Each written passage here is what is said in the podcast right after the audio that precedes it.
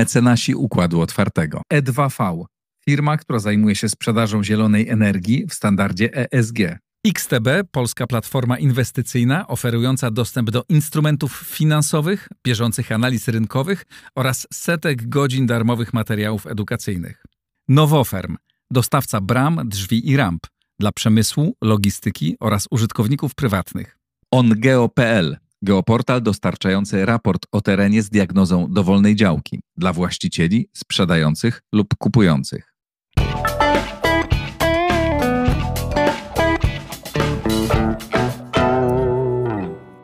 No tak, więc witamy Państwa bardzo serdecznie tutaj z Łukaszem Jasiną. Jesteśmy, bardzo. jesteśmy tak, bardzo na układzie otwartym. Kultura otwarta.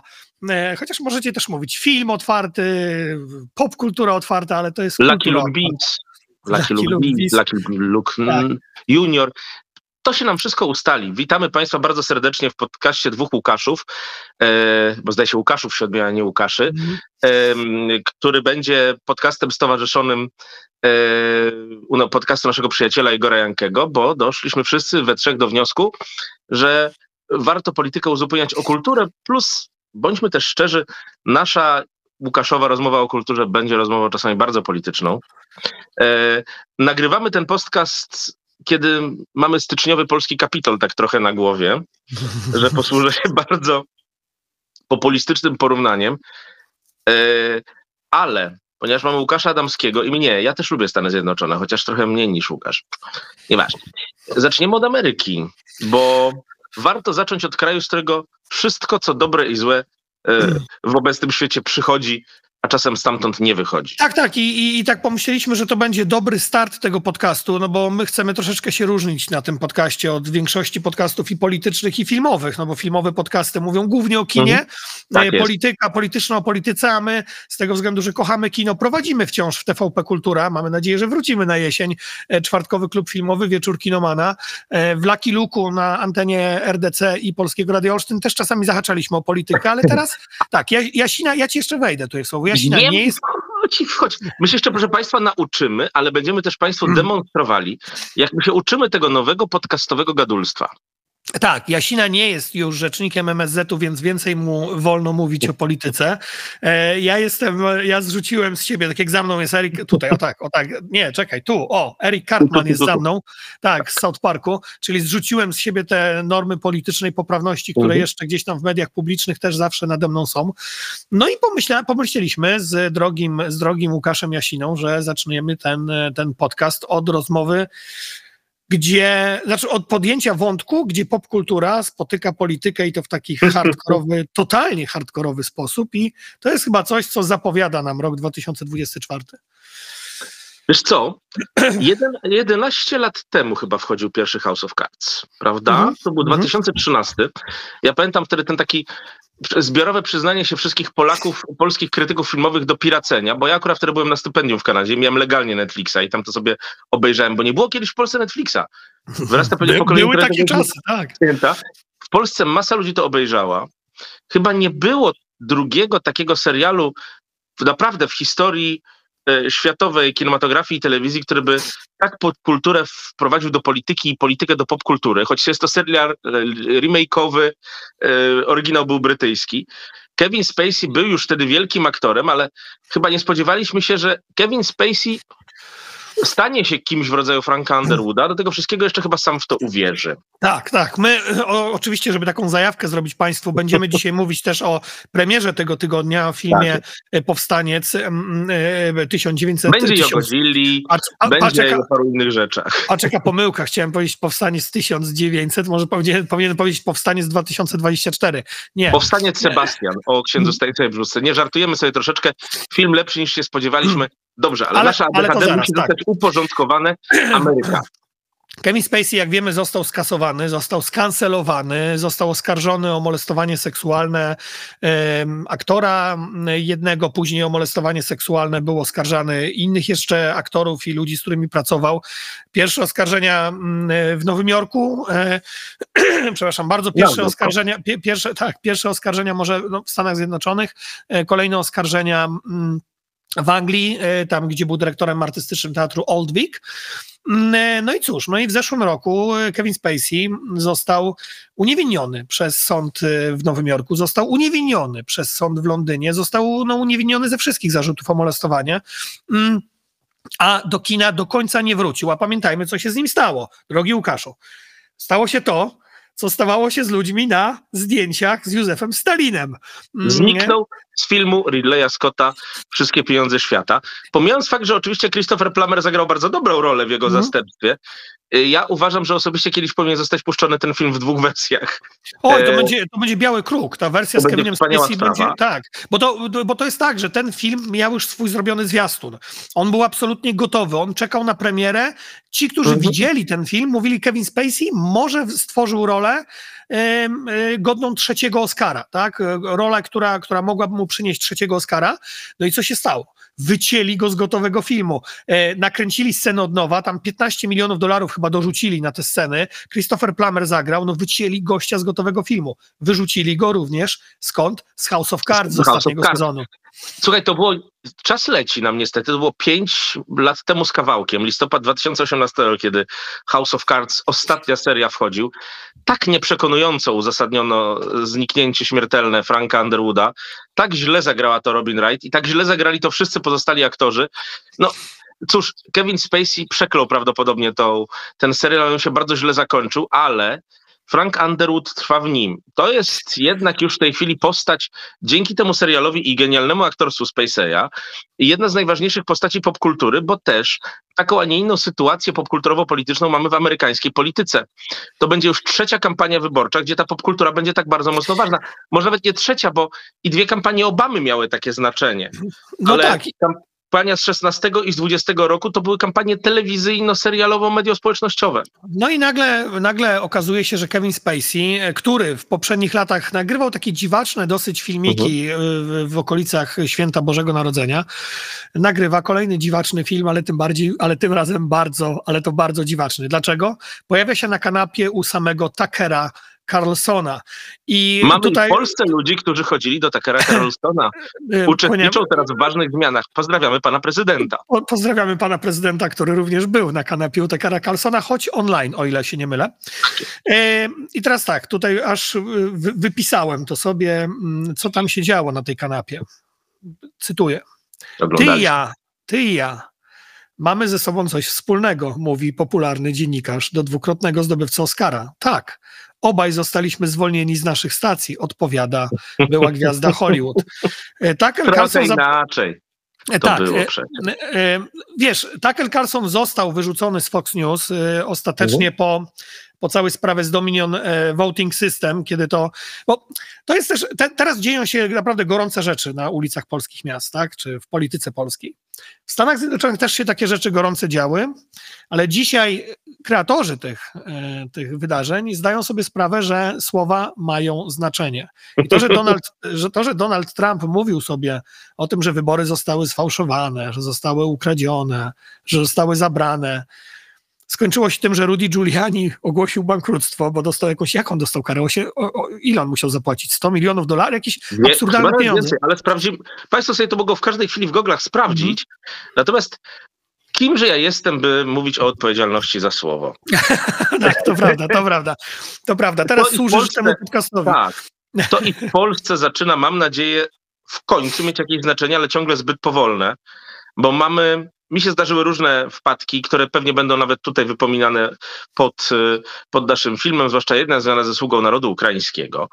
Ale problem jest taki, że ja to jeszcze przynajmniej, drodzy Państwo, i tu zrobię taki coming out, uznaję za wpadki. To znaczy. Kolej, kolejny coming out Jasiny, uwaga. Tego będzie, jak ktoś mówi, co audycja to coming out, zapraszamy Państwa serdecznie. To słuchaj, to, taki, nie, to, to, ja, to, to ja muszę wejść. Tak jak w wieczorze Kinomana i w, w, w czwartkowym klubie filmowym mieliśmy taki dzwoneczek wirtualny tak. i w Lucky Luku i w momencie, kiedy mówiliśmy Andrzej To strzelaliśmy w ten dzwoneczek. Tak, teraz weźmiemy dzwoneczek i za każdym razem, kiedy Jasina będzie robił coming out, ja będę strzelał dzwoneczkiem. Oczywiście pozostają dzwoneczki przy Romanie Polańskim, Andrzeju Wajdzie i innych rzeczach. Ale drodzy Państwo, ważną rzeczą w byciu kiedyś rzecznikiem jest to, że jednak yy, yy, ponosi, wie się samemu przynajmniej, kiedy się coś ciapnęło, lasnęło, huknęło, machnęło. W Polsce doszliśmy, zwłaszcza w wypadku kasty politycznej i sporej części kasty dziennikarskiej niestety, to nie oznacza braku szacunku do naszych przyjaciół, Łukaszu, jak się mm. domyślasz, do takiego momentu, kiedy ludzie kompletnie już się tym nie zajmują. Mówią i niech mówią. W Stanach Zjednoczonych już widać, a one są jednak pod względem politycznym zawsze o kilka lat do przodu przed nami, choć może i nie zawsze, bo podział taki bipolarny polski to jednak był wcześniejszy przed amerykańskim. Zaczynają jednak odpowiedzialność ponosić, bo tam działa system prawny, można jednak kogoś porządnie pozwać. Ten film jednak pokazuje, o którym mówimy, proszę Państwa. E, ty ciągle nie wymieniłeś jego tytułu, co za chwilkę zrobisz, że mimo wszystko mitotwórcy mają się w Ameryce bardzo dobrze i to jest dopiero taki początek walki z gadaniem, co się chce. Znaczy, bo to jest, to jest na kanale YouTube'owym Takera Carlsona można to znaleźć, mhm. ale dlaczego, dlaczego to jest tak istotne? Bo to, że tak, bo to, że Kevin Spacey przyszedł do Takera Carlsona, Takera Carlsona, który został wyrzucony z Fox News, kiedy Fox News musiało zapłacić prawie miliard dolarów, 800 milionów dolarów na mocy samej samej ugody z firmą, która produkuje. Nie za wywiad naszego prezydenta, to trzeba dodać. Tak, z firmą, która produkuje te maszyny liczące głosy, mhm. więc Fox i Fox News pozbył się wtedy Takara Carsona, który był jednym z czołowych e, tych zwolenników tej tezy o ukradzionych, rigged, tak, election, o ukradzionych wyborach. No i Tucker, największa gwiazda, człowiek, który zarabiał podobno około 20 milionów dolarów rocznie w Fox News, człowiek, który gromadził przed telewizorami, uwaga, 4,5 miliona widzów nawet, no to naprawdę dużo w telewizji informacyjnej jednak Fox News, ten człowiek został wyrzucony mm, z Foxa. Wtedy go przygarnął, no kto jak kto oczywiście, Elon Musk, który się bawi teraz w libertarianina, przygarnął go na portal X, no ale teraz e, Tucker Carlson buduje własną platformę streamingową, e, do, dostęp do niej będzie kosztował 9,90 99 dolara i on tam chce rzucić, mm, rzucić wyzwanie. Ale o co Netflixowi, Disneyowi, wszystkim. Ale o co chodzi? Kevin Spacey na tej kanapie pojawił się jako, no nie wiem Frank jako kto, Underwood. jako Frank Underwood. Jako Underwood, jako Spacey, to zastanawia się, bo to jest jednak, proszę Państwa, genialny aktor i przecież talenty mu nie opadły przez mhm. oskarżenia, prawda? E, człowiek, który stworzył kilka najwspanialszych ról. Wiem to, odkąd doszedłem do wieku Lestera Bernama i, i wiem, jak wspaniale on to zagrał w roku 2000 ale albo on to dalej tak genialnie gra, albo się temu wielkiemu człowiekowi to wszystko drastycznie pomieszało i on naprawdę myśli o wyborach prezydenckich roku 2024, które i tak są wystarczająco straszne, przynajmniej w zapowiedziach. Tak, ale i to jest właśnie bardzo ciekawe, bo, mm, bo Kevin Spacey no, tam rozmawia z Tuckerem, e, tam spadają takie słowa, e, no właśnie o to, o to że Tucker mówi, został z Foxa wyrzucony, ty z Netflixa, oboje stworzyliśmy te stacje, tak? No, takie e, komplemenciary. Tak, Kevin Spacey mówi, no tak, gdyby nie House of Cards, to by nie było Netflixa, trochę tak jest, tak? Netflix był wypożyczalnią no. na początku płyt DVD, VOD i Blu-ray, o czym zapominamy. Netflix tak się rozpoczął jako miejsce, gdzie wysyłano no pierwszym sobie... hitem streamingowym był House of Cards w Tak, i, i to był pierwszy, pierwszy hit streamingowy. No a Tucker Carlson był tą największą gwiazdą Foxa. Ale, i co jest, co jest bardzo istotne, co się dzieje na końcu tej rozmowy, mm, i tutaj też dokładnie to zacytuję. Um, Tucker Carlson pyta Kevina Spacey'a, kiedy wracasz do pracy? Kevin Spacey mówi, wróciłem do pracy w momencie, gdy zaczęliśmy tą rozmowę. E, odpowiada z takim południowym akcentem teksańskim, jak Frank Underwood. Nieprawdziwym co, akcentem, bo Kevin Spacey nie jest. Tak. Na co, na, co, na co Tucker Carlson odpowiada? Czy to oznacza, że nasza rozmowa to kolejny odcinek serialu, czy to może nasza rzeczywistość? I wtedy mówi Frank Underwood, Kevin Spacey, cóż, to pewnie jedno i drugie. Tucker, co dziś jest prawdą, a co dziś jest fałszem? co jest e, życiem, a co jest sztuką, co jest rzeczywistością, a co jest przedstawieniem. Lubię, jak te kwestie się przenikają, jest ciekawie. Zresztą to jest bardzo ważne w kontekście fake newsów. Maria.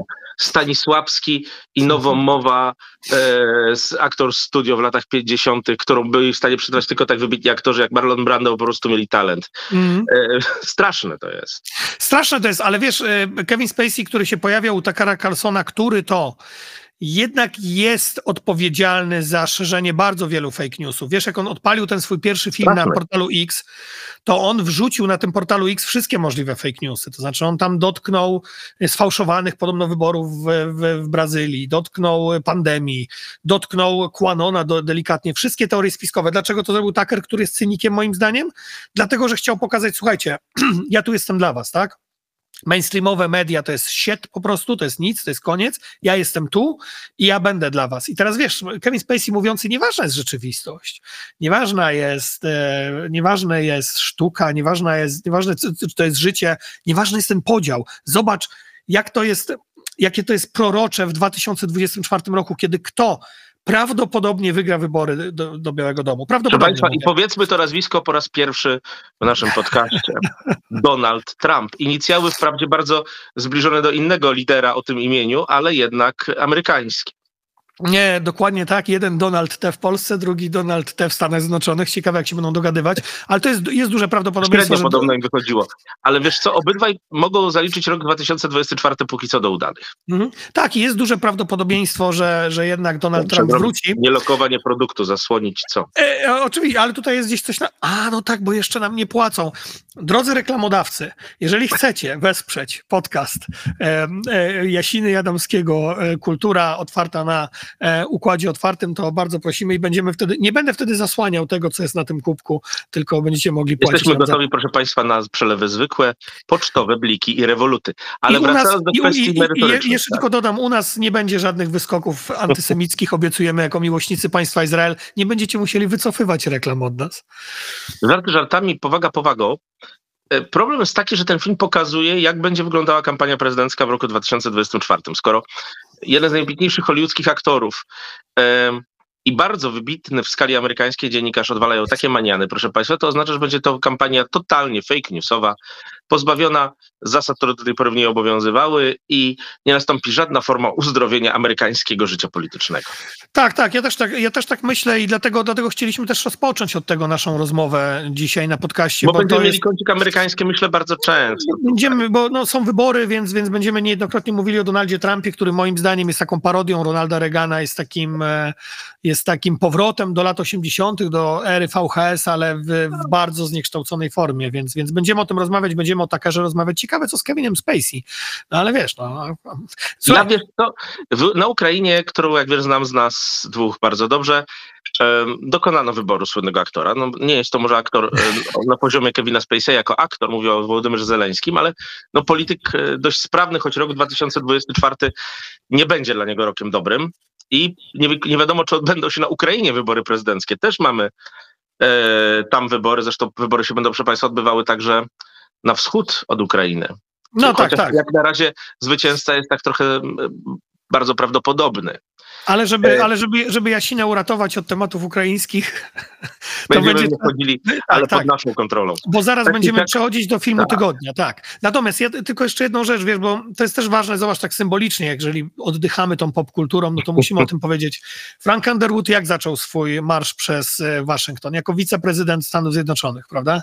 Mhm. I później stał się prezydentem, tak? No, no najpierw i... whip, e, tak. najpierw whip w większości. Tak, tak. No i e, Tucker Carlson usłyszał propozycję, podobno Iwanka Trump, e, podobno Melania Trump, albo Iwanka też. One bardzo są wielkimi zwolenniczkami, żeby Tucker Carlson był e, wiceprezydentem w administracji Donalda Trumpa, żeby wystartował z nim razem. No bo nie mają kogo wziąć. Pamiętajmy, jak się skończył e, Mike Pence jednak przed końcem swojej kadencji postanowił zachować się jak rozsądny polityk, tak? Uczciwy no człowiek. Tak, y, i no, zobaczymy, może będziemy mówić o Franku Underwoodu, Underwoodzie w Waszyngtonie, bo dlaczego nie? Wszystko jest po prostu, jak wszystko wszędzie naraz się ze sobą miesza, jeden wielki Matrix. Mm, ale powiedz mi teraz, y, drogi Łukaszu, drogi Łukaszu, który jest, jesteś historykiem, powiedz mi, jak wypada, e, ja zaraz powiem ze swojej perspektywy bardziej takiej e, tutaj mhm. krytyka filmowego stricte, jak wypada film 1000... Powstanie 1863. 1860... Cyki. Tak. Film który, mm, film, który wchodzi na ekrany mm, kin, film, który jest bardzo ciekawie promowany, bo jest promowany mm, kawałkiem e, Sebastiana Fabiańskiego. Pozdrawiamy Sebastiana, naszego serdecznego przyjaciela. Bardzo ładnie wczoraj wypadł smokingu, proszę Państwa. Trzeba tak. powiedzieć, że ogolony, uczesany Sebastian Fabiański w smokingu to niezwykle przystojny mężczyzna. Tak, e, więc Sebastian Fabiański promował ten film e, singlem z Sariusem, takim hip-hopowym, mocnym, wcześniej Sanach, e, więc mamy oto film nakręcony właśnie przez Tadeusza Sykę, napisany, wyreżyserowany, który wcześniej nakręcił film Wyszyński, mm, który jest promowany tak jak ja zawsze chciałem, żeby kino dotykające tematów religijnych, historycznych było promowane, tak, przez taką y, no, popkulturę bardzo mainstreamową. Mm, Fabiański... Takie przednie na świecie. Dokładnie tak. Dokładnie Tylko my w Polsce mieliśmy z tym trochę problemów też. Tak, e, e, obsada, obsada naprawdę też świetna. Sebastian Fabiański jako ksiądz Brzuska, Ksawery Szlenkier mm, e, jako sierżant mm, Franciszek Wilczyński. Tak, tak. To jest też bardzo ciekawy aktor, Ksawery Szlenkier. On przecież w, mm, nie tak dawno w serialu Netflixa, taką europejskiej produkcji, też brał udział tej, tej, tej postapokaliptycznej. Cezary Pazura, Olgierd Łukaszewicz, również w obsadzie Marcin Kwaśny, Karolina Szymczak. No Daniel naprawdę ta obsada Olbrychski. Oczywiście, Daniel Olbryski, więc ta obsada jest naprawdę, naprawdę, naprawdę dobra. No i teraz, teraz zastanówmy się, czy to jest film, który my dwaj Łukasze, którzy tak bardzo chcemy filmów patriotycznych, którzy tak bardzo chcemy filmów z wątkami religijnymi, ja chcę bardzo. Czy musimy na siłę bardzo ten film chwalić, czy nie? Nie. Wiesz co, e, moje życie nie jest łatwe, jak się jest właśnie jednocześnie krytykiem filmowym i historykiem. Historykiem kina i historykiem, bo to są rzeczy bardzo często sprzeczne i i oczywiście historycy powstania styczniowego znajdą 380 powodów, by ten film skrytykować, chociaż wczoraj, nie wymieniając na razie z nazwiska, stałem po tej projekcji z pełnomocnikiem do spraw obchodów 160. rocznicy powstania, bardzo dobrym historykiem, szefem jednej z instytucji kulturalnych i jemu się ten film podobał. Ale powolutku. Jedyne, co w tym filmie jest złe, to tytuł. O. E, tak, bo to jest taki tytuł, który po prostu uznaje zasady, że jesteśmy idiotami, nie zainteresowalibyśmy się jakimś tytułem związanym z księdzem Brzuską. Mhm. Bo tytuł powstaje z 1863. No okej, okay, może i dobrze, bo tak naprawdę od czasów szwadrona, szwadronu Juliusza Machulskiego, bardzo dobrego, ale wtedy filmu, który nie, nie, nie padł na swój czas, nie mamy filmu o tym jednym z najciekawszych powstań, pierwszym nowoczesnym polskim powstaniu, ale też ostatnim powstaniu Rzeczpospolitej, gdzie walczyły te wszystkie narody razem, Polacy, Ukraińcy, Żydzi, Białorusini. Ale Adrem, ja nie byłem wielkim zwolennikiem filmu o Wyszyńskim. Ten film w tym filmie wyraźnie coś nie zagrało, ale też byli tam dobrzy aktorzy, ciekawa tematyka. Jak się okazuje, w XIX wieku Tadeuszowi Syce i wszystkim jest jednak znacznie lepiej. I stworzyli film, który jest właśnie pierwszym takim filmem nie tyle historycznym, posługującym się wytartymi kliszami, ale podejmującym autentyczne wydarzenie historyczne i przetłumaczającym je na taki popkulturowy, dostępny dla współczesnego widza język.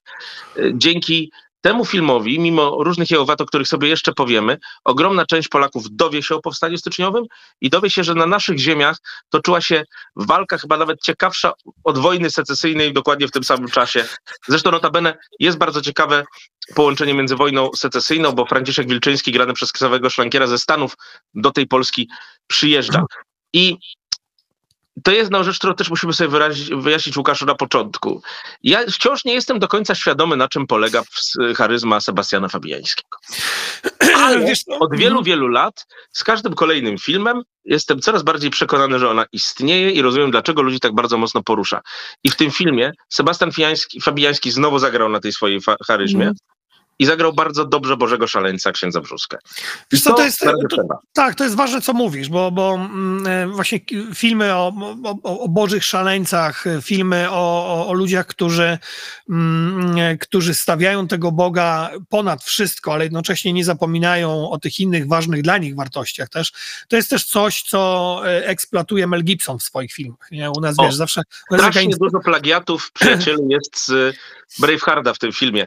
Łącznie ze scenami z bohaterem, przez którego przelatuje na różne sposoby słońce. Widać, że tego Bravehearta Tadeusz Syka 30 lat temu obejrzał. Wiesz, bo to, bo, bo, bo no, jest to taka też infantylna dosyć teza, tak, na polskiej prawicy, wynajmijmy Mela Gibsona, to znaczy już nie ma, bo już polska prawica nie będzie kręcić żadnych filmów. Natomiast, natomiast była taka teza, kiedy, kiedy, kiedy, kiedy, kiedy PiS rządził, kiedy Zjednoczona Prawica rządziła, że oto, wynajmiemy Mela Gibsona, Clint'a Eastwooda i oni nam zrobią film patriotyczny. No co, Jakoś nie wynajęliśmy. Nie, no bo to też absurdalna teza, no to Hollywood też tak nie pracuje. Natomiast wiesz, to jest też stara, dawna, znaczy ja niejednokrotnie w wielu miejscach, my też o tym mówiliśmy w naszych różnych programach, że naprawdę można zrobić skromny film, ale przekazać pewne prawdy, które chcemy przekazać i jeżeli ten film artystycznie jest y, dobrze zrobiony, jeżeli jest napisany dobrze, scenariusz jest podstawą, to on się przebije w mediach zagranicznych, y, on się przebije i widownia coś takiego, coś takiego e, kupi. Natomiast z Powstańcem też jest tak, że z jednej strony ja, ja uważam, że, że to była dobra decyzja, że obsadzono Sebastiana Fabiańskiego, którego ja osobiście też lubię, bardzo lubię jego rap, uważam, że to jest wybitny raper, e, który, który no, ma pewne skłonności autodestrukcyjne, e, tak, wpływające, tak, wpływające na to, że później one są odbierane, te, jego sztuka jest tak odbierana. No, myślę, że wielu widzów, ja to już zauważyłem, wiesz, kiedy zajawki puszczaliśmy naszego podcastu na Facebooku, wielu widzów z tej prawej strony mówili, no nie, no to, to, to, to jest fatalna decyzja, bo ten Fabijański walczy w Fame MMA, po co obsadzać go w takiej roli? Pewnie trochę to zaszkodzi temu filmowi, ale naprawdę nie słuchajcie tych głosów, drodzy Państwo, bo Fabijański tworzy, tworzy po prostu solidną, bardzo dobrą rolę. Mm, e, Sebastian jest aktorem, on jest taki trochę jak młody, jak młody Olbryski, tak? On, on gra na pewnych, to jest manieryczny aktor. Tak, dosyć, tak, chociaż proszę Państwa, zdradzę Państwu pewną tajemnicę, być może ta przyjaźń zaczęła się u Ciebie w Radomiu, nie wiem, ale bardzo duża była wczoraj widoczna bliskość między profesorem Krzysztofem Zadussim, opiekunem tego scenariusza. Tak, tak, drodzy wielbiciele potwornie nudnych filmów intelektualnych. Profesor Zanussi także stał za tym filmem i to stał moim zdaniem szczerze i z uśmiechem. Ale wiesz co? Wszystkie poprzednie polskie filmy o powstaniu styczniowym powstawały zazwyczaj, kiedy nie mogliśmy za bardzo zaatakować Rosjan, a w roku 93 mieliśmy pojednanie mm. i e, e, w szwadronie Machulskiego starano się tych Rosjan zrozumieć. A teraz po raz pierwszy mamy amerykański film, w którym istnieje wcielone w wielu ludzi zło, które się nazywa Rosją. Tak, Imperium tak, tak. Grane przez Cezarego Pazurę gubernator czarkaski to jest wcielone zło. E, rosyjscy, ukraińscy aktorzy, którzy grają Rosjan, to jest także wcielone zło. Polaków się tam morduje, Polacy są tam pozytywni. E, a cały film jest zresztą zrobiony też bardzo mocno, trochę jak Django. Tak, tak. E, znaczy, no, będziemy, będziemy rozmawiać o filmie Kos Pawła Maślony, no, który jest, no, jednak... My już widzieliśmy go parę miesięcy temu. Je, jest jednak kilka po, po, po, tak, e, poziomów e, wyżej. Poziomów wyżej artystycznie od Powstańca, natomiast to o tym będziemy rozmawiać w następnym naszym programie. Natomiast mm. myślę, że Powstaniec, widziałem wczoraj reakcję widowni reakcje na premierach są, proszę Państwa, takie, że nie do końca oczywiście trzeba nie wierzyć. Zygmunt Kałużyński, guru polskiej krytyki, starał się nie chodzić na premiery nie tylko dlatego, że był pokłócony ze sporą częścią krytyków, których mógł tam spotkać, ale także dlatego, że publiczność jest specyficzna. Tak, tak, tutaj, ale Mhm. Wczoraj było masa, masa wspaniałych, pozytywnych reakcji ludzi, którzy w przeciwieństwie do Jasidy nie wiedzieli, jak to się wszystko skończy i że na końcu księdza Brzoskę powieszą, bo nie znali historii i mhm. którzy w tą historię wchodzili. I tu chcę panu Tadeuszowi Syce, jako krytycy sporej części jego twórczości powiedzieć, panie Tadeuszu, drogi Tadeuszu, tym razem udało się. Tak, tak. Ja tutaj wyjaśnię też naszym, naszym słuchaczom. Sebastian Fabiański e, był na festiwalu filmowym tak. Kameralne Lato Freedom Film Festival, którego mam przyjemność i zaszczyt być dyrektorem artystycznym. I tam, tak, pokazywaliśmy jego debiut e, reżyserski, krótkometrażowy, e, film Hawaje. Zagrał koncert i Krzysztof Zanussi wysłuchał tego koncertu mocny rap na sam koniec, a Krzysztof Zanussi był e, przewodniczącym jury konkursu międzynarodowego e, na tym właśnie festiwalu w Radomiu. Zresztą ja tam usłyszałem e, pierwszy, pierwszy raz o tej roli Sebastiana Fabiańskiego. Podobno pana właśnie... Krzysztofa jednak trochę denerwowało to, że tyle klął. Ale tak, a, tak, tak, ale, ale z ust Krzysztofa Zanussiego usłyszałem o tej roli. I wiesz, to był bardzo, to jest bardzo ciekawy też wybór, bo jeżeli spojrzymy szerzej na to, jak kręci się w Polsce filmy, które mają przekazywać jakieś wartości patriotyczne, filmy, które mają też pokazywać e, e, Kościół w inny sposób, mówiąc delikatnie, niż pokazuje się go dzisiaj w większości mainstreamowego kina na czele e, z kinem pana Smarzowskiego. No to wiesz, no to wybór Fabiańskiego, osoby bardzo kontrowersyjnej, osoby odrzucanej przez bardzo dużą część środowiska, osoby takiego outsidera, który robi co chce po prostu, był dobrym wyborem. Był dobrym wyborem, bo był wyborem drapieżnym i, i Fabiański sprawdza się w tej roli. Fabiański wygrywa to wszystko emocjonalnie, emocjonalnie Fabiański, fizycznie jest dobrze też przygotowany do tej roli. E, ta rola jest po prostu, jest po prostu dobra. Oczywiście, to jest film, który jest zatopiony w pewne wyobrażenie o tym, jak kino historyczne musi wyglądać. Dużo mm. zwolnionego tempa. E, sporo tych rzeczy takich jest, natomiast wiesz, Analizy to jest... strzałów, kule, ale wiesz, są takie rzeczy, które zrozumieją młodzi ludzie wychowani na amerykańskiej kulturze i my to już mm. zdradzimy Państwu, że w Kosie będziemy o tym bardzo mocno mówili. Polak, pokolenie, które urodziło się 20-30 lat temu, ono już nie jest wychowane na klasycznym polskim kinie, ale na zupełnie innym kinie i tych metod Syka tutaj używa przystojny ksiądz, Brzuska nie był taki przystojny w oryginale, z Różańcem z Kul, z Sawerem Szlenkierem, który przyjeżdża ze Stanów, y, y, z bardzo wyrazistymi i ciekawymi postaciami kobiecymi, które tutaj też są, mhm. Polakami, Żydami, Rosjanami. Mm, jest filmem, który stanowi jakiś wstęp do nauczania historii. Drodzy koledzy z prawicy, warto przeanalizować swoje podejście do tego typu kina, bo jak się na nie obrazicie, to za parę lat nikt nie będzie się chciał uczyć polskiej historii. Ja też jestem ciekaw, a ten film na pewno będzie filmem, na który nauczyciele historii będą swoich uczniów brali z liceum. Mam rocznicę powstania. Jestem, tak, ale wiesz, jestem bardzo ciekaw, w jaki sposób jednak e, młodzi widzowie będą reagowali na Sebę Fabiańskiego, którego znają z Fame MMA, którego znają to, bo, bo, to już nie jest ta widownia, która zna go e, z Pitbulli, e, e, czy, czy z kobiet mafii, przepraszam, z kobiet mafii Patryka Wegi, czy no, psy. Czy Kamerdynera, bo ta widownia w ogóle nie oglądała Kamerdynera. No Kamerdyner, Kamerdyner teraz jest taka reaktywacja Kamerdynera, bo serialowa wersja filmu Filipa Bajona weszła na TVP jakoś miesiąc temu, czy dwa miesiące temu, więc, później, więc, później. więc była jakaś taka reaktywacja tego, nie? Natomiast wiesz, no oczywiście ja zawsze oczekuję kina E, e, które z jednej strony w sposób taki mm, subtelniejszy będzie opowiadało o pewnych ważnych wartościach dla nas, dla nas, ale też szukam oczywiście kina takiego jak, nie wiem, Przełęcz Ocalonych właśnie Mela Gibsona.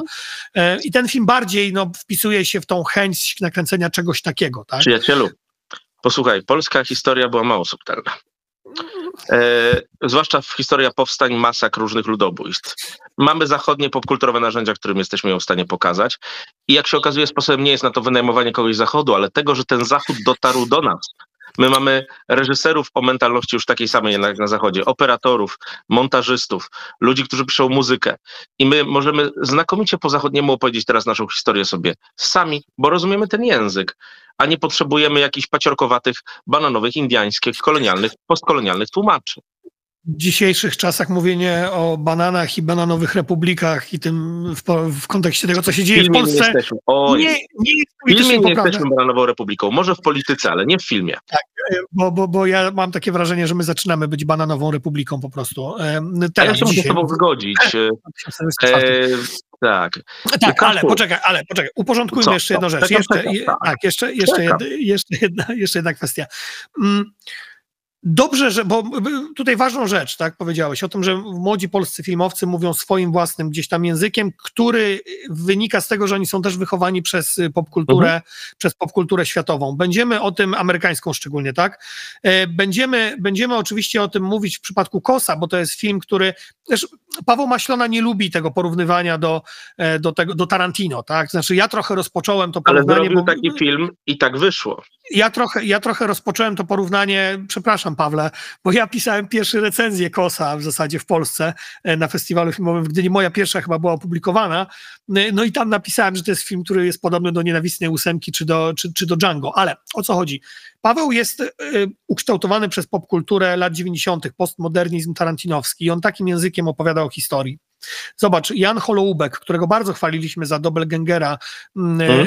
e, Sobowtóra, film, który już jest dostępny na Amazonie, więc możecie sobie go Państwo też spokojnie obejrzeć, on już jest w streamingu. To jest też film, który jest wpisany w kino szpiegowskie amerykańskie, to takie rasowe, mhm. szpiegowskie amerykańskie kino. Zobacz, w Hiacyncie Domalewski e, również to zrobił. Nie ma już takich filmów, młodzi filmowcy mówią językiem nie polskiej szkoły filmowej, tak? Gliński mhm. w, te, w, swoim ostatnim filmie gdzieś zanurzył to, tak? W, Przypomnij mi tytuł, bo zapomniałem. W figurancie, ale Robert Gliński jest artystą, jak też mówisz, średnio starszego pokolenia. To jest e, tak. zupełnie inny sposób realizacji filmów.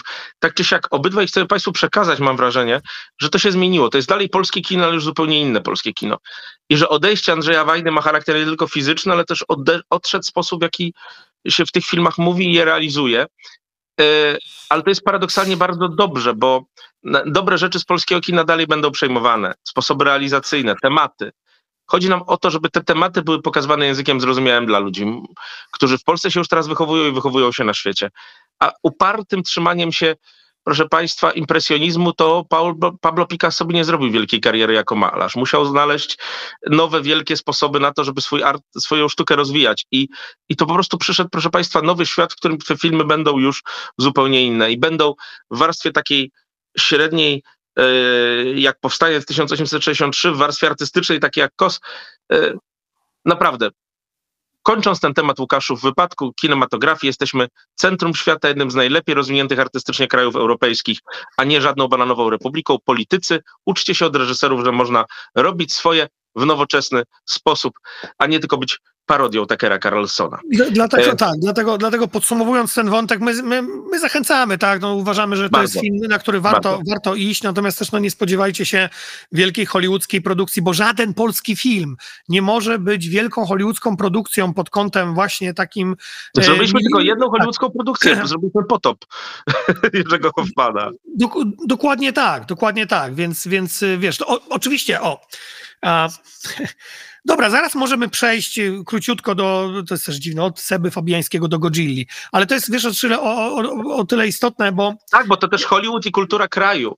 Ale e, słuchaj, jego niż tak. Tak, chodzi też o to, że Japończycy za 15 milionów dolarów zrobili film, którego Amerykanie za 100, 150, za 200 nie potrafiliby dzisiaj zrobić. I to jest też, i zaraz przejdziemy do Godzilli, ale...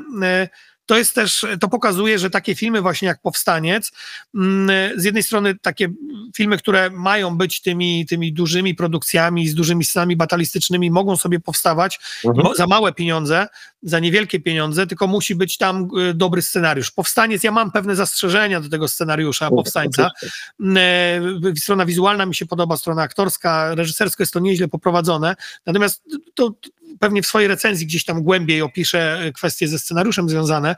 Natomiast, natomiast wiesz, no, nie zapominajmy o tym, że polskie filmy, które dotykały historii i które osiągały sukces za granicą, Oscar dla Idy, e, nominacja do Oscara dla Zimnej Wojny, w ogóle całe kino Pawła Pawlikowskiego to jest kino skromne, oparte na świetnym scenariuszu i można opowiadać o polskiej historii w taki sposób.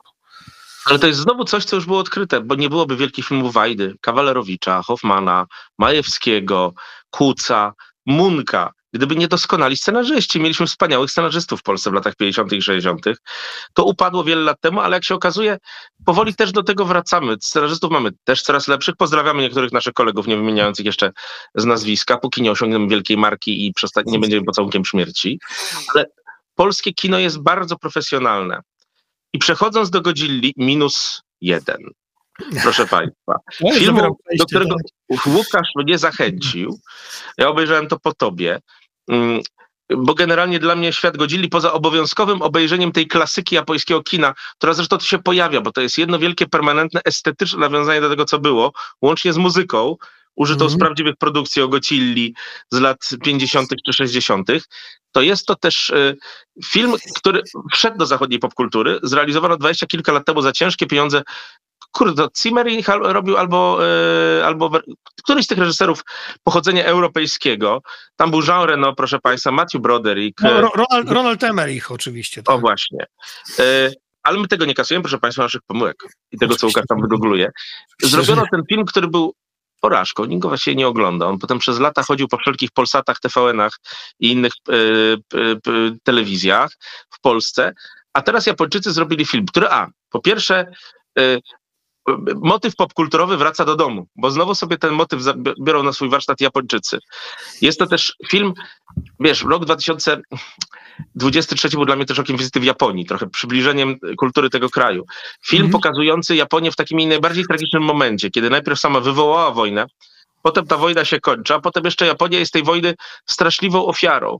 Mm. Wiesz, o Godzilli mówi się wiele. Godzilla zresztą staje się taka, a nie inna pod wpływem e, bomby atomowej, prób na atolu Bikini, realizowanych bardzo niedaleko Japonii, która sama była przez tą przecież bombę skażona, przez bombę z Hiroshima i Nagasaki. E, więc Godzilla to jest dla Japończyków też metafora bomby atomowej, amerykańskiej okupacji, zniszczenia całego ich kraju, a jednocześnie pięknie zrealizowany film katastroficzny z elementami metafizycznymi, a do tego wszystkiego z bardzo dużą głębią teologiczną. I dlatego będziemy się kręcić wokół tych tematów, drodzy Państwo, zaczęliśmy od Takara Carlsona, przeszliśmy do powstańca księdza Brzuski Sebastiana mhm. Fabiańskiego, teraz mamy Godzilla. Ja myślę, że już zatrzymajmy się na tej Godzilli i nie, nie pakujmy kolejnego filmu tutaj. E, Zapakujemy 5 minut, proszę Państwa, nie daruję. Tak, tak, okej, okay, no ale to, no, słuchaj, co tydzień, nie będziemy raz w tygodniu, jeżeli nas nie wykopią tutaj widzowie Układu Otwartego, także będziemy mieli czas, żeby rozmawiać o tych filmach. Mm, wiesz, mm, ja, to jest też tak trochę no, z tą Godzillą, szukajcie tego filmu pewnie niedługo w streamingach, bo on już zaraz, on z kin zszedł, on w grudniu e, pojawił się w polskich kinach, też był jakoś tak dziwnie dystrybuowany, że tak naprawdę... W Warszawie jeszcze leci co najmniej przez tydzień. Tak, ale też chyba jedna sieć kin go tylko, e, Multikino, tak. ile się nie mylę, tak, go, go, go, go puszcza, ale o ile, co jest, wiesz, to jest bardzo ważne, bo to jest film, który moim zdaniem jest najlepszym filmem o Godzilli od czasu, od czasu filmu Ishiro Hondy, e, to jest już chyba 34 film mhm. z Godzillą, Film, który jest oparty z jednej strony na schemacie szczęk Stevena Spielberga, czyli, długo, czyli boimy się tego, czego nie widzimy, co jest ukryte w wodzie, tak? Coś, co Spielberg e, też trochę. I tu zobacz, mówiliśmy też o budżecie powstańca. To jest coś, co Spielberg osiągnął, dlatego że nie miał budżetu na szczęki i dlatego, że nie stać ich było na pokazanie tego potwora od razu, więc bardzo długo go trzymali, tam nie mogli zbudować mhm. tego rekina i to cały gatunek rozwinęło filmowy. I, i, i, i na tym też jest zbudowana ta Godzilla, Godzilla Godzilla minus jeden, film, który jest osadzony właśnie w, tuż po wojnie, film, który pokazuje Japonię odradzającą się, która nie do końca może się odrodzić, Japonię, która zaczyna być zagrożona przez właśnie tego, tego potwora, to znaczy Japonię tuż po zrzuceniu bomby atomowej na Hiroshima i Nagasaki. Wszystko widzimy oczami kogoś, kto jest potępiony przez swoich przyjaciół, przez swoją rodzinę. Dlaczego? Dlatego, żeby jest niedoszłym kamikadze, mm, nie popełnił tego samobójstwa, którego tak wymagali od niego, kultura od niego wymagała. Więc wiesz, ja byłem absolutnie zachwycony Godzillą, no, dlatego że to jest film, który opowiada o całej Japonii. I to, o czym my na tym podcaście chcemy mówić, nie tylko analizować samo kino pod kątem artystycznym, tak, tylko mówić, jakie, jaka jest głębia tego kina. Zobacz, Godzilla opowiada o zerwaniu przez Japonię z cesarstwem, o zerwaniu z mentalnością A, kolektywną. I nie tylko. I nie tylko. Bo Japonia e, nie miała przez 80 lat porządnej dyskusji o tym wszystkim. A w mhm. tym filmie jest mowa o zdradzeniu przez władzę, o wysyłaniu prostych ludzi na śmierć, podczas gdy nie wysyła się innych, o budowaniu jakiejś jedności społecznej. Tam państwo, ten główny bohater tego filmu staje się bohaterem właśnie za sprawą tego, że przełamuje te rzeczy. Ale mamy też powrót do prostych wartości rodzinnych, prawdziwej miłości. Jest tam dziewczynka odnaleziona przez dwoje ludzi. Więc masa, masa takich rzeczy, które powodują, że ten film zmienia się na lepsze. Japonia zmienia się na lepsze. Rodzina akceptuje bohatera, y, uzyskuje on wybaczenie, więc y, a Godzilli nie pokonuje, proszę Państwa, tak do końca, więc jest zawsze materiał na sequel. Ale dla Państwa, dla widzów, myślę, ten film będzie takim bardzo dobrym wyjściem do poznania japońskiej kultury, japońskiej historii, która jest zdecydowanie bogatsza niż serial Jamesa Clowella, Shogun, czy, czy Sushi, czy, czy, yy, czy filmy manga, prawda? Tak, tak, no to y, Godzilla jest w ogóle bardzo ważną częścią kultury, taką jak anime, taką jak manga mhm. w Japonii, taką jak samuraje, których oczywiście y, najwybitniej sportretował, sportretował Kurosawa. Y, Kurosawa.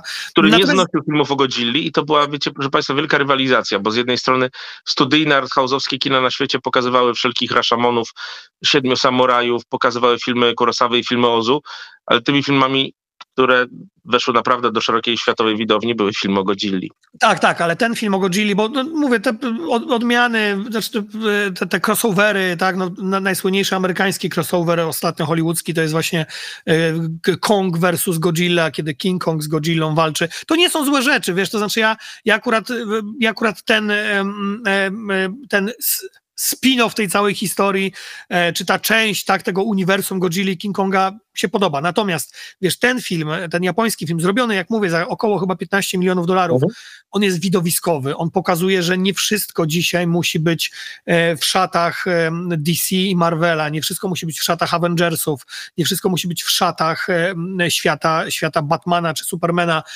E, wiesz, kino komiksowe tak przewałkowało te blockbustery mocno, że ono się zaczęło już nudzić. To, co wiesz, Martin Scorsese od dawna mówił, że dla niego to jest Luna Park, e, tak, e, że dla niego to są, to, to nie jest w ogóle kino. Ja nie do końca się z nim zgadzam, natomiast powrót do takiego czystego blockbustera, i to jest bardzo istotne, bo widzowie tego też oczekują. Zobacz, ogromny sukces mm, e, Top Gun, um, ogromny sukces Oppenheimera nawet. Właśnie. Bo Oppenheimer, proszę Państwa, to jest klasyczny blockbuster, o czym też warto powiedzieć. Tak. Upozorowany na kino artystyczne, tak jak całość dorobku Christophera Nolana.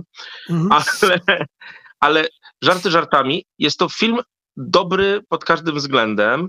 Ja osobiście uważam, że powinien dostać Oscara za najlepszy film nieangielskojęzyczny, ale zobaczymy, jak to będzie wszystko wyglądało. Open, Oppenheimer, czy mi się już wszystko myli? Godzilla oczywiście. Oppenheimer raczej dostanie Oscara za najlepszy film w ogóle, prawda? I myślę, że to i mhm. Cillian Murphy i Robert Downey Jr. to są raczej rzeczy prawie pewne. E, tak.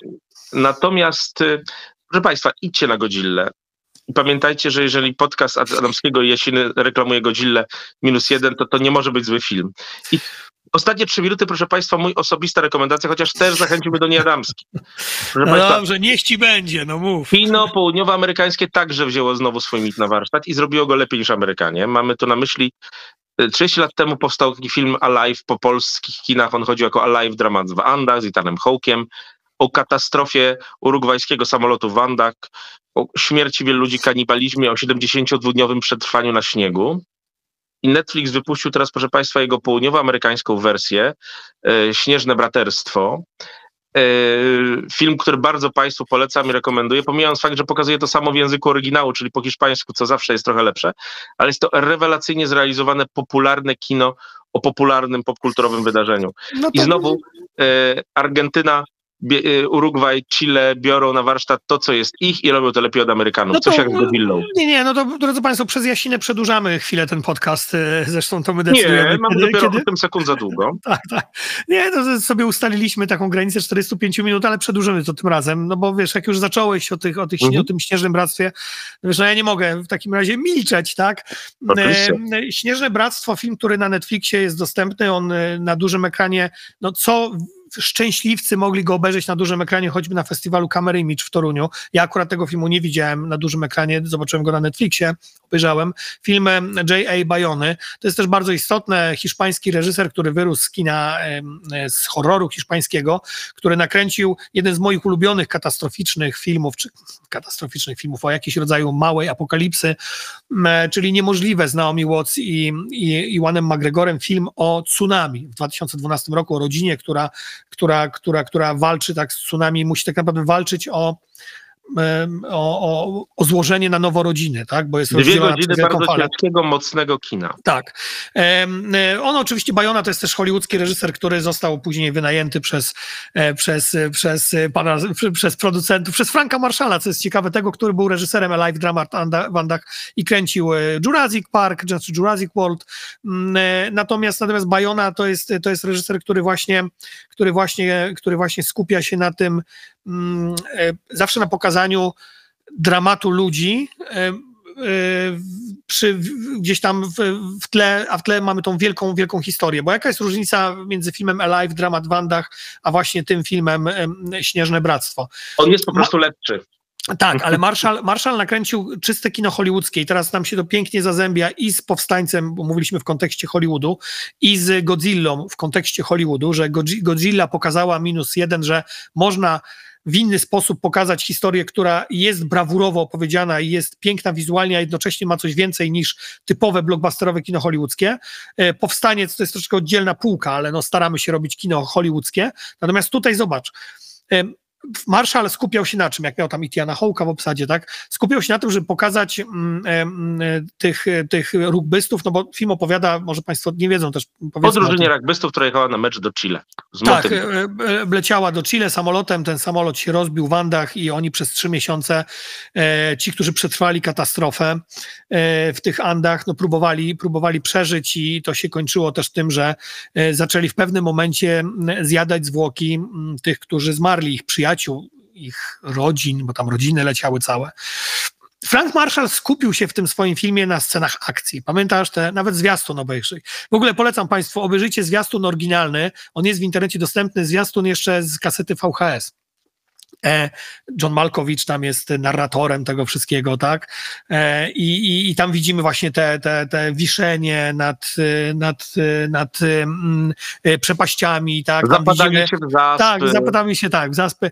Tutaj tego nie ma, to znaczy film Bajony mm, jest skupiony na tym, co ci ludzie przeżywają, będąc w tym wraku samolotu, przytuleni, wtuleni w siebie. Zastanawiający się, czy wolno zjadać zwłoki przyjaciół, czy to nie jest koniec humanitaryzmu, czy to nie jest koniec ludzkości w kontekście religijnym. To, to są lata 70., to są ludzie z Ameryki Południowej, którzy jeszcze byli katolikami. Wciąż Ameryka Południowa jest, jest religijna bardziej niż Europa, pusta, religijna. Nie znam tego do końca katolicyzmem, ale e, biorąc też pod uwagę kontekst papieski, ale mhm. Żarty żartami, drodzy Państwo, jest to bardzo dobry historyczny film o katastrofie. I do tego film z regionu, którego my nigdy do końca nie znamy, bo bądźmy szczerzy, znajomość Ameryki Południowej to jest jeszcze większy delikates niż znajomość Azji czy Australii. I myślę, że obydwaj z Łukaszem namawiamy Państwa bardzo serdecznie do tego, żebyście ten film obejrzeli, skoro jest dostępny za niewielkie pieniądze w popularnym serwisie streamingowym. Tak, tak, tak, ale, ale jeszcze, jeszcze tutaj muszę jedną rzecz powiedzieć. tak.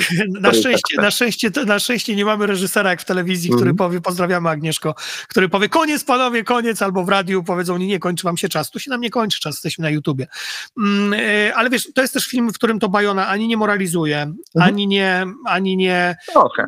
nie oblewa też tym patosem, ale wiesz, to jest mhm. jednak film, który pokazuje, co musi przeżyć człowiek, w sytuacji skrajnej. Mamy powstańca, e, który, który jest filmem czysto religijnym, który pokazuje też e, poświęcenie tak, dla ojczyzny, mhm. ale rzeczywiście patetyczna śmierć, tak, e, krzyż, no to wszystko jest takie bardzo wzniosłe. A zobacz, Bajona w tą stronę nie idzie. Bajona opowiada o przyjaciołach, którzy, mm, którzy zostają postawieni przed najstraszniejszym wyborem. Czy poświęcić jakiś, jakąś część swojego swojego humanizmu, swojego huma, wiesz, bycia człowiekiem. I wiesz, mhm. ja tutaj w swojej recenzji, którą pisałem dla Interia, dla Interia Film, um, tak, zacytowałem i pozwolisz, że ja tutaj, że tutaj zacytuję naszym słuchaczom mm, wypowiedź Roberto Canasy w 50. rocznicę katastrofą dla, dla Deutsche Welle. Mm, powie, udzielił wywiadu i powiedział coś takiego. Straszne jest sobie uświadomić, że nasi przyjaciele to tłuszcz i mięso. To jest coś w rodzaju procesu myślowego, podczas którego tracą swoją ważność podręczniki cywilizowanego życia i iść trzeba za zwierzęcym instynktem, zracjonalizować go i przyjąć za swój. E, później on mówi w tym tak wywiadzie, że do tej pory no, gdzieś e, no, no, musi sobie poradzić z tym, że złamał te pewne cywilizacyjne zasady i że spożywał mięso swoich przyjaciół, ale robił to, żeby przeżyć, żeby opowiedzieć tą historię. Właśnie. I siłą tego filmu Bajony jest to, że on relacjonuje, a nie moralizuje. I to mówię ja, człowiek, który kocha kino religijne i wcale nie sprzeciwia się moralizowaniu. Zresztą, Łukaszu, żyjemy w świecie, gdzie bardzo wielu ludzi byłoby chętnie, chętnych do spożycia ciał swoich przyjaciół i wrogów i jeszcze by moralizowali, ale to taka drobna aluzja do naszej polskiej polityki. Oczywiście. E, proszę Państwa, to był nasz pierwszy wideokast, jak niektórzy twierdzą, lub też podcast. Nie żegnamy się, lecz zapraszamy na kolejny. Łukasz Jasina. I Łukasz Namski, co sobotę tu jesteśmy, już niedługo KOS. No, e, słuchajcie, jeżeli, jeżeli jest zbyt dużo chaosu, nauczymy się, żeby było go mniej. Natomiast to też na tym polega. My jesteśmy tacy, jacy jesteśmy z Jasiną, przerywamy sobie, wchodzimy sobie w słowo i no musicie nas przyjąć takimi. My tutaj nie udajemy i nie będziemy wyrachowani, tak? Ten podcast, to jest, tu, tu, tu jest kino, tu jest, e, tu, tu jest polityka. No słuchajcie, znajdźcie drugi podcast, kochani, gdzie Tucker Carlson spotka Sebastiana Fabiańskiego, wszyscy spotkają Godzilla, a na koniec wylądują w Wandach. O, film zresztą był kręcony w, w miejscu katastrofy, wylądują w Wandach. No, no, no taka mieszanka tylko u nas, no. Ano, ano. Dziękujemy Dziękuję bardzo. Państwu good night and good luck, jak mawiał pewien klasyk. Pięknie, pięknie George, e, Robertem Downey Juniorem skończyłeś, bo on w tamtym filmie też grał. George grał, grał, znacznie młodszy, ale grał. Dzięki.